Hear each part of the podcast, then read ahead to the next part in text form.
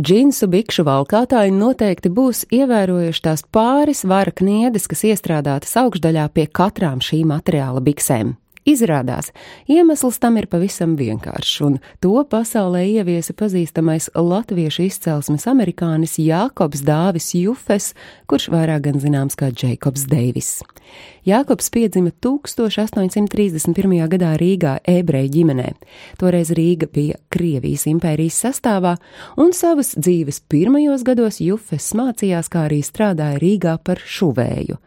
Sasniedzot 23 gadu vecumu, Jufes emigrēja uz Amerikas Savienotajām valstīm, kur sākotnēji dzīvoja Ņujorkā, bet pēc tam pārcēlās uz San Francisco. Tur Jufes naturalizējās un kļuva par ASV pilsoni, un tieši tāpēc arī nomainīja savu vārdu, kļūstot par Džeikobu Deivisu. Viņš turpināja Latvijā iesākto un strādāja par šuvēju. 19. gadsimta 50. gados Ameriku pārņēma tā dēvētais zelta drudzis, kad ik viens cilvēks cerēja kļūt bagāts, atrodot zeltu. Skaidrs, ka šis drudzis pārņēma arī Deivis, un viņš devās uz Kanādas rietumiem. Tur viņš uzturējās deviņus gadus, meklēja zeltu Freizeras upē, un te arī satika savu sievu, Anniju Parkšīru, kura bija imigranti no Vācijas.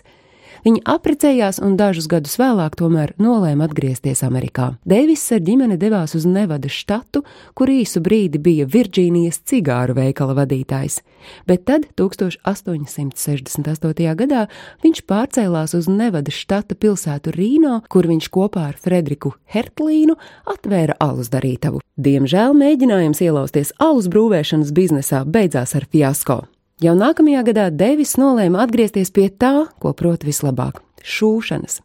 Tādēļ viņš Rīnā atvēra šūšanas darbnīcu. Sākotnēji Devis veidoja apģērbus vietējiem dzelzceļa strādniekiem un celtniekiem, kuri šeit ieradās no Amerikas vidienes.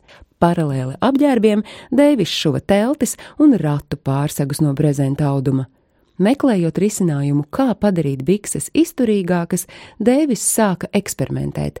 Viņš šuva bikses sākumā no brezenta un tad vēlāk arī no rupja kokvilnas auduma denima.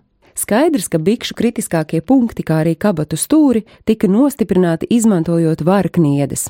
Bet kā tas sākās? Vienkārši pie viņa šūšanas darbnīcā ienāca kāda sieviete, kur sūdzējusies, ka viņas vīra bikses pārāk ātri novalkājas un dilst. Sieviete norādījusi arī uz vājajām kabatām, kuras nespēja izturēt lielo darbarīgu svaru un ātri izplīst.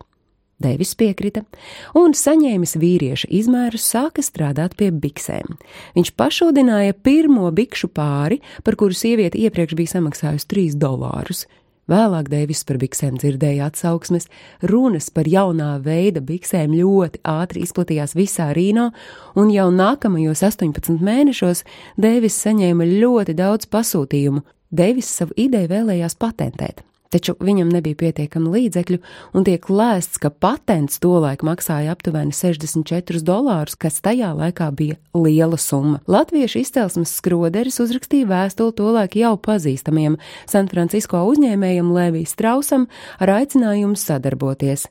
Strauss, kurš starp citu arī ir ebreju imigrants tikai no Vācijas, piekrita Dēvisa piedāvājumam, un 1873. gada 20. maijā bikses ar vara kniedēm jeb džinsi tika patentēti.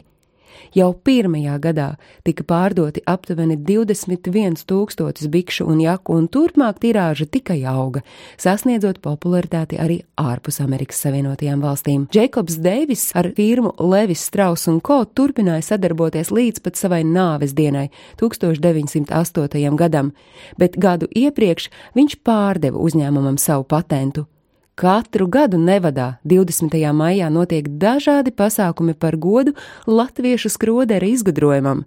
Interesanti, ka mūsdienās izskan arī viedoklis, ka Jākobs Dāvis Jufes, jeb Džekobs Deivis, ar šīm vara kniedēm palīdzēja nostiprināt ASV ekonomiku. Par šodienas notikumiem stāstīja Agnese Drunka.